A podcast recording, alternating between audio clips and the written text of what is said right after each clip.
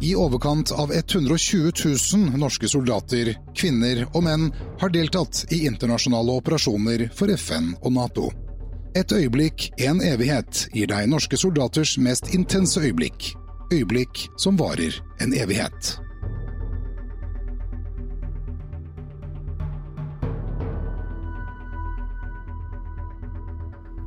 Velkommen til eh, et øyeblikk i en evighet, og uh, skal tilbake til Unifil. Men vi ser også litt sånn uh, hva som skjedde etterpå.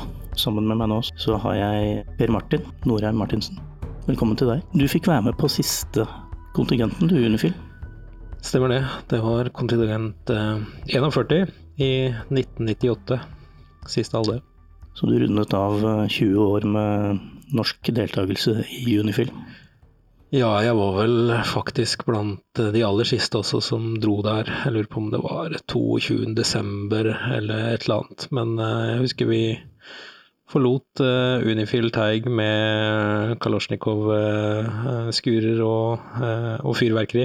Så jeg vet ikke om det var fordi de feiret at vi dro eller hva det var, men det var en litt sånn spesiell, et spesielt øyeblikk da å kunne forlate Unifil på den måten der. Ja.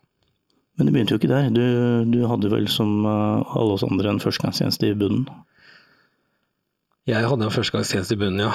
Og det var jo litt sånn som veldig mange av oss tenkte, tror jeg, på den tiden der. Eh, jeg hadde lyst til å gjøre unna førstegangstjenesten så fort etter eh, videregående som mulig. Hadde egentlig ingen tanker om noe befalsskole eller noe som helst, så da fikk jeg høre det at det var to USK- eller UB-utdanninger som tok opp eh, elever direkte. Den ene var vel artilleriet, feltartilleriet, og den andre var eh, Heimevernets utskrevne befalskurs på Kongsvinger. Eh, så, så, min plan var rett og slett å, å søke meg inn der og gjøre unna førstegangstjenesten der. Men så fikk jeg jo litt smaken på dette her, og så ble det til at jeg også tok et sersjantår der. Og underveis der så gjorde jeg som veldig mange andre at jeg sendte en søknad for å prøve å kanskje få seg en tur ut i Unifil, men hadde egentlig slått fra meg det og hadde tenkt at når jeg var ferdig som sersjant, så, så, gir jeg meg i Forsvaret og så begynner jeg å studere. Og så fikk jeg veldig kort varsel eh, beskjed om å ta meg en tur ut, så da, da, valgte jeg å gjøre det. Vi snakket sammen litt tidligere her, og du, eh, du fortalte meg at uh, den opplevelsen der nede, den har uh, betydd en del for det veivalget du tok senere? Ja, jeg har prøvd å tenke litt over hva det og, og saken er jo det at en, en side av den saken er jo det at jeg har jo valgt å en karriere veldig tett på Forsvaret, selv om ikke jeg har vært uh, offiser eller tatt krigsskole eller det som er. Men jeg startet jo med å jobbe på krigsskolen uh, som sivil lærer der. Uh, har jobbet ved Forsvarets forskningsinstitutt, Forsvarets høgskole. Så med bare et par sånne intermessoer underveis der, så er det jo først nå, ja, 20 år etter at jeg er ute av Forsvaret og i dag jobber som viserektor for forskning og utvikling ved Oslo OsloMet, hvor vi nå befinner oss. Vi er, vi er, dypt inne i akademia her. Du må jo ha gjort, eh, gjort deg noen refleksjoner da, da, etter hvert opp gjennom årene, hvordan Norges eh, innsats ute har endret seg? Særlig når du har vært midt oppi å, å lære opp uh, offiserer underveis. Er det noe som har slått deg spesielt under, uh, under disse årene?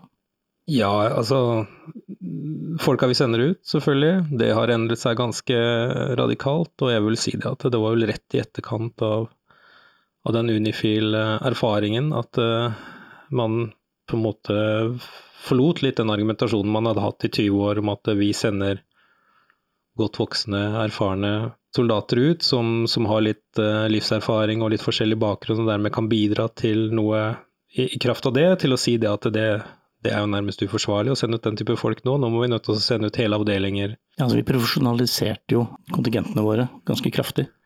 Ja, og, og, øh, dette her har jeg Jeg husker jeg diskuterte litt dette her med avdøde general Gullov Jeseth, som jobbet sammen med meg på Institutt for forsvarsstudier. Han sa det at han hadde også merket seg at det var en sånn ganske markant dreining i argumentasjonen, da, hvor man på en måte sa at fordelen med de folka vi sender ut nå, er deres erfaring, deres andre erfaring enn militære, til plutselig å si at nå er det kun militær erfaring som teller. Men så hadde jo det også med at eh, det var jo kanskje Eh, mer krevende operasjoner man valgte å sende ut i. Man fikk en dreining bort fra FN-operasjoner til å delta mer i Nato-operasjoner på Balkan, etter hvert Afghanistan. Kan vi liksom si at uh, den innsatsen som er gjort de senere årene har liksom vært mer politisk? Altså man har brukt den militære styrker mer politisk aktivt enn vi gjorde da vi var ute i FN-tjeneste f.eks.? Jeg vet ikke om man har brukt det mer politisk, men man har i hvert fall eh, endret eh, måten man har ønsket å bruke det politisk. Da.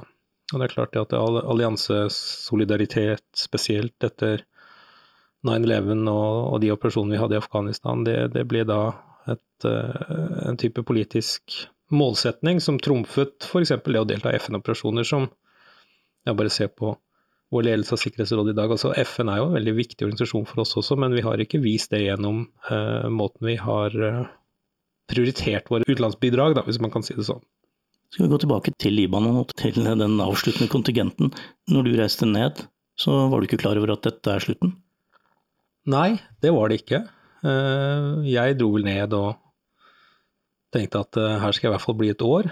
Nå ble jeg jo bare Det ble jo sju-åtte måneder ble det vel til sammen, dette her. Men det var liksom midtveis i kontingenten, så, så ble det tatt en politisk beslutning om at vi skulle ut. Og da Vel, eh, så kom det ganske raskt inn eh, det som ville bli de som skulle erstatte oss, som var av alle ting et indisk gurka-regiment.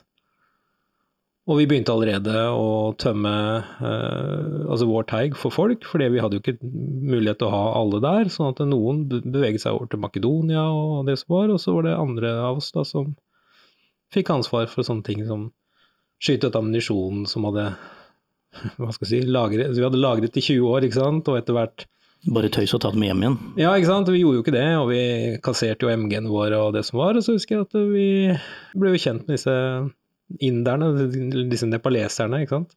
Og det var jo liksom litt uh, kulturelt spennende, da. Uh, samtidig som vi etter hvert skjønte oss at de, de kom til å gjøre ting på en veldig annerledes måte enn det det vi kom til å gjøre på. De hadde en helt, type, en helt annen erfaring enn oss. Altså Dette Gurkha-regimentet kom rett ifra Kashmir. altså Rett ifra regulære stridshandlinger til å skulle komme til liksom fredelig Norbat Unifil. Det, det, det, tror jeg var svært så annerledes for dem også. Følte du at det endret litt på fokuset deres også? For når, dere må jo ha hatt den vanlige eh, vi skal passe på Teigen, vi skal kjøre patruljer og alt mulig rart, eh, være på. Og så når dere fikk høre at nei, dere skal hjem, Endret det moralen, på en måte? Jeg har ikke reflektert så veldig over det, men jeg husker jo Vi var jo veldig opptatt av å, å vise dem hvordan vi mente ting skulle gjøres, og skjønte ganske raskt det at de kom ikke til å gjøre det på den måten vi skulle gjøre det. Og jeg husker at jeg f.eks. reiste rundt med denne kapteinen og kompanisjefen som skulle ta over for oss, fordi på den tiden så hadde jeg liksom rykket opp fra lagfører, blitt NK-tropp og skulle liksom ha ansvar for overføring av ansvar her. Og da husker jeg at denne indiske offiseren var veldig opptatt av hvor fienden var. Og da husker jeg at da var jeg også veldig opptatt av å forklare også det at ja, det er ingen fiende her. vi er dette er en FN-operasjon, vi, vi, er nøytrale og alt dette greiene. Altså, så vi liksom skjønte det at verden tross alt var litt mer sammensatt enn en det vi kanskje tenkte. Men så, altså Jeg har jo stadig reflektert over hvor hvor forbanna ung jeg var på dette tidspunktet. ikke sant? Altså, eh, Fenrik og, og, og 20 år, eh, der, der, satt vi og skulle lære bort eh, indiske kapteiner om hvordan de skulle te seg i, i, i, en type konfliktsituasjon som de aldri hadde befunnet seg i, antageligvis. Det, det var litt spesielt. Hvis vi går eh, litt frem i tid også, vi snakket litt om dette med veteranbegrepet, og du fortalte meg at du egentlig aldri har definert deg som det eller at den erfaringen du, du fikk da har, har, forfulgt deg opp igjennom. Hva gjør du i dag? Du, tenker du fortsatt at du ikke er veteran? Altså, har du ikke noe forhold til det begrepet? Så veteranbegrepet er jo et begrep som på en måte litt sånn Vi brukte det jo knapt på 90-tallet. Vi snakket litt om det her i stad, ikke sant. Så, så, jeg har jo erfart det at Forsvaret etter hvert har tatt eierskap til veteranbegrepet og bruker det i dag. ikke sant? Og dermed så så, så, har jeg vel aldri egentlig definert meg inn i det begrepet. Men jeg har heller aldri liksom plassert meg inn i, i en, en, sånn type gruppe mennesker som bærer på en identitet som veteran. ikke sant? Jeg har aldri vært tilbake i Libanon eh, for å se hvor vi var hen. Jeg, jeg, har aldri gått i tog for, uh, for å markere Unifil sine uh, altså sine ulike jubileer opp imellom og den type ting. Og jeg sier ikke, Det er overhodet ingen det er ikke noe galt i det, men, men samtidig så har jo dette definert meg mer enn en de folka som tidvis liksom henta frem en gammel blå beret og gikk i tog. Fordi altså, min, min karriere som, som, akademiker, det at jeg valgte å, å, dra ut og studere, var nok ganske i stor grad formet av at jeg hadde vært ute også i, som soldat, ikke sant? og dermed så det at det var noe jeg Altså, det ga meg erfaringer som jeg ville ha mer av, så jeg studerte i Australia, jeg studerte i mange år i England. Eh, jeg søkte veldig raskt eh, tilbake liksom mot eh, ønsket om å studere og forstå konflikter. Og etter hvert også så, så, så innså jeg jo det at eh, de erfaringene jeg gjorde meg som leder på et lavt nivå da, på det tidspunktet, det, det, har vel også fulgt meg slik at jeg i dag også er leder av yrket. Jeg har rett og slett tatt lederskap hele veien? Ja, det var jo en positiv måte å si det på, men jeg har nok søkt mot det fordi Og jeg, og jeg tror nok det at det, det er ikke sånn at alt Eh, forklares her. Men det er klart at man, man, gjør seg noen tanker om det at hvis jeg aldri, hvis jeg aldri dro til Unifil, så hadde jeg vel begynt på et annet studium, da. ikke sant? Da hadde det ikke blitt noen forsvarshøyskole eller, eh, eller den, det løpet der? Nei, det er jeg ikke sikker på. Jeg, jeg, tror, nok, eh, jeg tror, nok, ikke på en måte de, altså, de formative årene mine i Forsvaret, de var nok på en måte, de ble kronet av, av den erfaringen det var å være FN-soldat. Men når du f.eks. er i en situasjon på La oss gå tilbake til Forsvarets høgskole, og du, du sitter der og skal tilføre andre mennesker eh, erfaring, eller få de til å reflektere rundt visse områder. Vil du si at den erfaringen du hadde fra Libanon var verdifull i de settingene? Det er jeg helt sikker på. Jeg tror at jeg er i stand til å plassere ting i den rette konteksten. Da. Samtidig så er jeg den, av den oppfatning også det at uh, den militære utdannelsen og forskningen berikes av at det ikke gjennomføres av folk med veldig tung militær erfaring hele tiden. Fordi når man som sivil kommer inn i Forsvarets høgskole og begynner å peke med åpen hånd og snakke liksom militærsk, da, da, da, gjør du egentlig ikke jobben din. Du skal, du skal, tilby dem et annet perspektiv. Det er liksom det som er hensikten ved at man tross alt skal ta inn folk utenfra. Så du begynner ikke med å si at uh, bare så dere vet det, gutter og jenter, jeg har vært i Libanon. Det er ikke det du begynner med?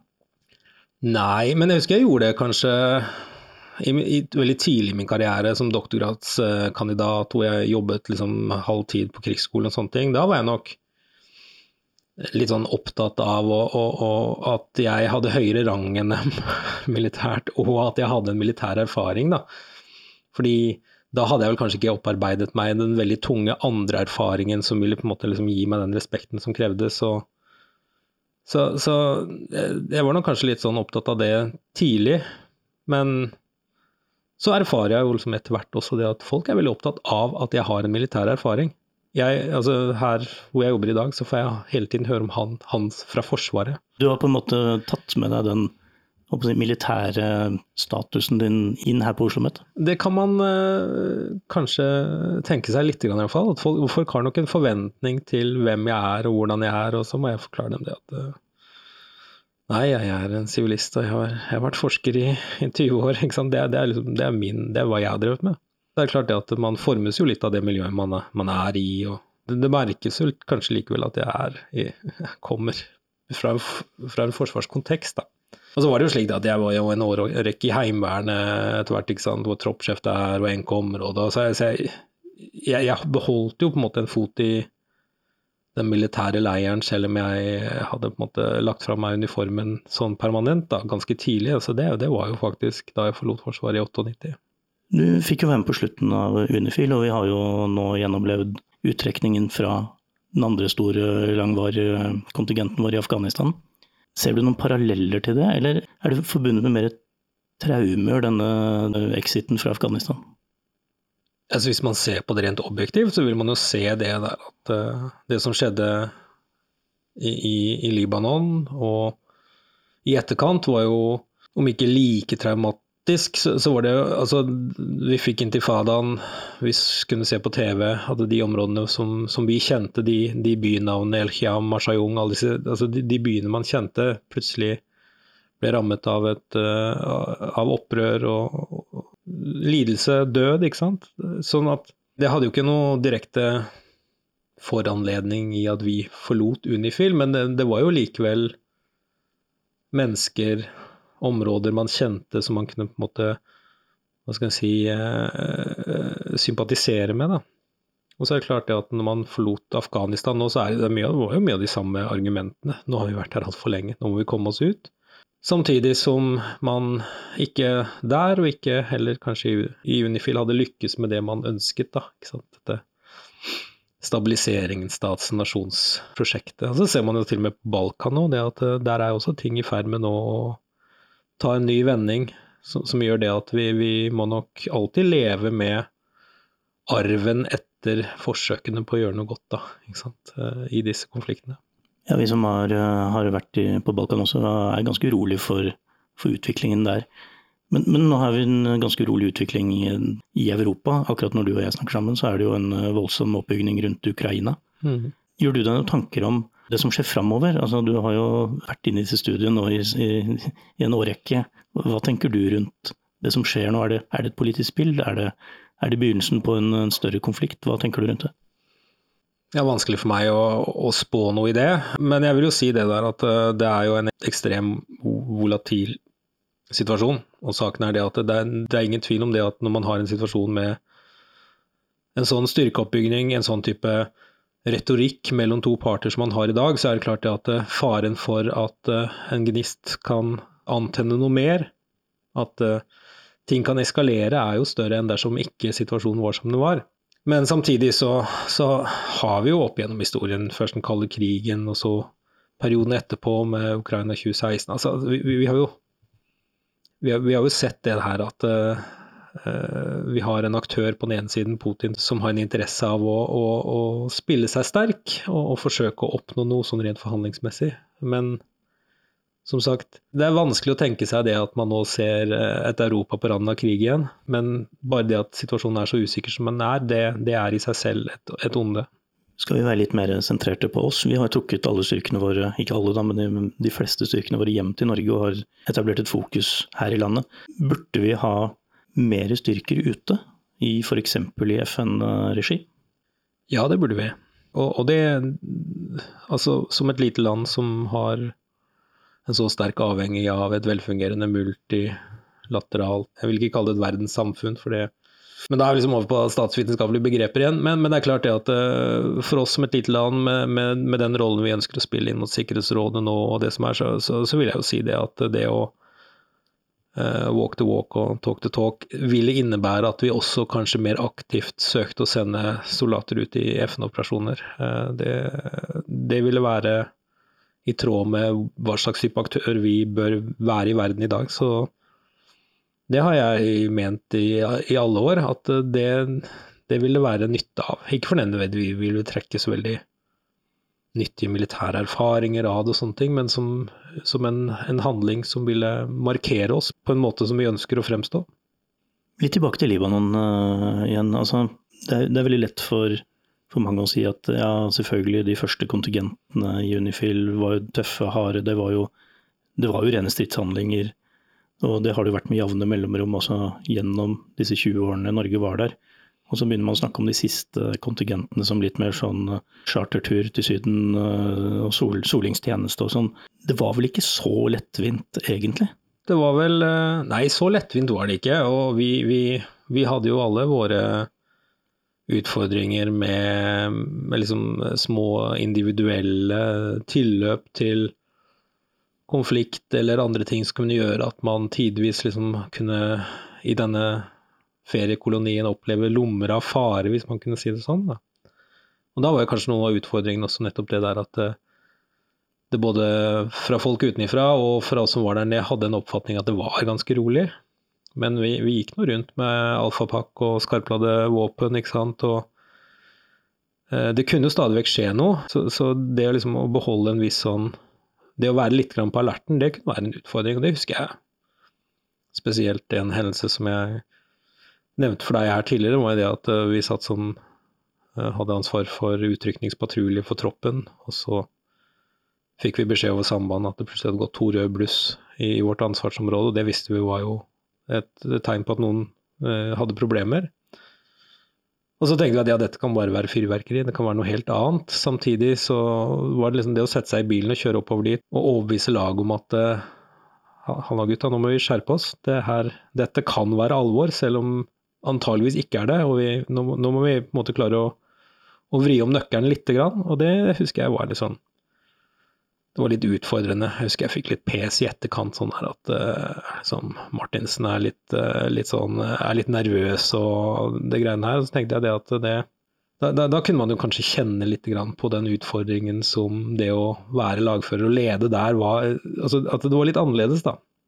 Og, vi, og, vi, visste jo aldri egentlig helt hva som, som skulle skje, selv om vi absolutt hadde en følelse av at her var det ganske rolig da, i den perioden som vi var der. Så utfordringen det hadde var egentlig å kunne skru på den militære tankegangen når det trengtes? Ja, altså kan nesten ikke peke på noen situasjoner hvor vi, vi strengt tatt måtte gjøre det, men, eh, men, det var liksom den følelsen av å sitte at vi er jo her for en grunn. Det er jo noe som kan skje, selv om det nå er rolig. og du kan tenke også det at det at det var rolig altså Du kan liksom stille spørsmål hva, hva gjør vi nå egentlig her, da? Vi, vi holder kontroll, da. ikke sant? Det, du har nok eh, du, du, treffer liksom riktig når du sier det der at eh, det at eh, ting føles rolig, betyr jo ikke at vi skal oppføre oss som vi er på ferie. ikke sant? Og det, det var jo tung vaktbelastning, og man strir jo med sitt da, i, i, i en sånn situasjon uansett. Jeg tror veldig mange UNIFIL-soldater som hører dette her, kjenner seg inn i akkurat den lille problemstillingen der. I hvert fall de som har vært nede i rolige perioder. Det å kunne være på samtidig som man ikke skal stresse seg over ting helt unødig. Ja, det er riktig. Hvordan vil du oppsummere, når du ser tilbake nå til UNIFIL og disse, disse årene, hvordan vil du oppsummere den norske innsatsen sånn som du ser det rent faglig sett, da, fra ditt ståsted? Nei, altså um, Det at Unifil ble stående i, i 20 år, da, og, altså det, det, var jo et problem i seg selv. Og det er jo en type problemstilling som man har fått mye mer oppmerksomhet på i dag. Nettopp der at eh, man må ha exit-strategi når man går inn og sånne ting. Nå viser det seg at det er alltid vanskelig. Ja, altså, Unifil er jo der enda, uh, ja, bare, bare man, uten oss, uh, ja, heldigvis. Og så når man først har gått inn, så, så, så, er det vanskelig å komme seg ut. Men, men jeg mener jo det at Norge gjorde en viktig innsats der. Jeg tror det hadde en verdi for Norge og vårt samfunn at så mange fikk tjenestegjøre. Altså, hvor mange var det som var der? 40 000 eller noe? Nei, vi var i overkant av 22 000. 22 ja. Ja, altså, det betyr at mange har jo den erfaringen. Da. Så, så jeg, jeg, tror nok vi, vi, gjorde en god innsats der, og det, at det spilte tilbake på en positiv måte på det norske selvbildet også. Men så er det klart at det, det er ut fra faglig ståsted. Det er, det er, ikke sunt å stå et sted i 20 år. Da, da får man peacekeeping economies, og man, man endrer hele lokalsamfunn og sånne ting. og eh, vi, vi, husker liksom alle liksom, hvordan næringslivet tilpasset seg oss og alt dette greiene her. og Det var kanskje litt sånn uskyldig akkurat der, men man har jo erfaringer fra afrikanske operasjoner sånn, hvor, hvor, det bygger seg opp rett og slett negative økonomier rundt denne tilstedeværelsen og sånn. Så ja, jeg tror jeg, ja, nei, jeg, har ikke noe ytterligere perspektiv på det. Men, men, men, men jeg, jeg, jeg, tenker nettopp det derre øh, Skal man gå inn og gjøre sånne ting, så, så, må det være med en målrettet innsats og et ønske om å, å få til noe. Og så, og så, selvfølgelig da kunne trekke seg ut igjen øh, litt før det har gått 40 år, da. Jeg tenker litt på dette med at så mange det er jo noen tusen som har vært ute i inntopstjeneste. Er det en ressurs for landet at vi reiser ut? Individene reiser ut? Jeg tror definitivt at det er en ressurs for et lite land i utkanten av Europa som Norge å, å, å ha den type hva skal jeg si, nesten ventiler ut mot verden. da. Uh, og jeg, jeg, husker at eh, jeg ble intervjuet av lokalavisa mi, Porsgrunns Dagblad, da jeg kom hjem, og så tror jeg det sto noe sånt som i ingressen om at det hadde sagt noe at dette er liksom min generasjons måte å dra, dra ut til sjøs på. Og det var litt sånn jeg tenkte det, ikke sant. Altså den derre mine, mine, foreldre og onkler og, og besteforeldre som hadde vært liksom, i handelsflåten og vært ute, som fikk, den, fikk disse, disse, perspektivene som det var å få, å få, treffe folk utenfor landets grenser og, og, og sånn. Og, det tror jeg også den erfaringen du har hatt i Unifil var. Jeg tror det var direkte formende for at jeg valgte å legge såpass mye av mine studier til utlandet også i, i ettertid. Og så tenker jeg liksom, Det som kom etter Unifil, det var liksom en sånn type backpacker-generasjon som skulle reise i et år og oppleve verden og sånn. Og jeg må si, alle disse Afghanistan-veteranene også tror jeg også kommer tilbake med perspektiver og et syn på, på seg selv, på Norge, i verden og sånn som, som, jeg tror vi har en svært god nytte av. Og nå som ikke vi er noe sted, så, så tenker jeg at det, det, er litt, det er litt trist. Tror vi da trenger noen nye kanaler ut og jeg tror ikke det holder at vi gjør det virtuelt. Da. så jeg tror, jeg tror, rett og slett det der å komme seg ut og oppleve andre kulturer og, og, og liksom klare seg i verden er, er, er, et gode, da. Så jeg tror absolutt det der at den, den erfaringen som man, man, tar med seg hjem etter den type opphold, er, er viktig. da, for Både på, liksom på et individuelt og et kollektivt plan. Ja, Vi kan si at eh, veteranene er en ressurs i, i det store og hele. Ja, det mener jeg absolutt. Uh, og jeg mener altså Afghanistan-veteranene er jo en definitiv ressurs for Forsvaret. Altså, for meg som har studert og, og levd nærme på Forsvaret, så, så, opplever jeg jo en endringsvilje i det norske forsvaret i dag som, som, er ganske radikalt annerledes enn det det var for bare si ja, ti år siden. Da, så altså, det det er, ikke noe tvil om det der at uh, den type erfaringer eh, skaper også en åpenhet mot, mot, noe nytt og mot endring som ikke ville vært der hvis ikke man hadde hatt folk som, som kom hjem med noen andre perspektiver. Da. Dette er en av mange unike historier om selvoppofrelse og mot fra våre soldater. Her lar vi soldatene selv fortelle om de intense øyeblikkene, akkurat slik de opplevde det. Historier som rett og slett er blitt et øyeblikk, en evighet.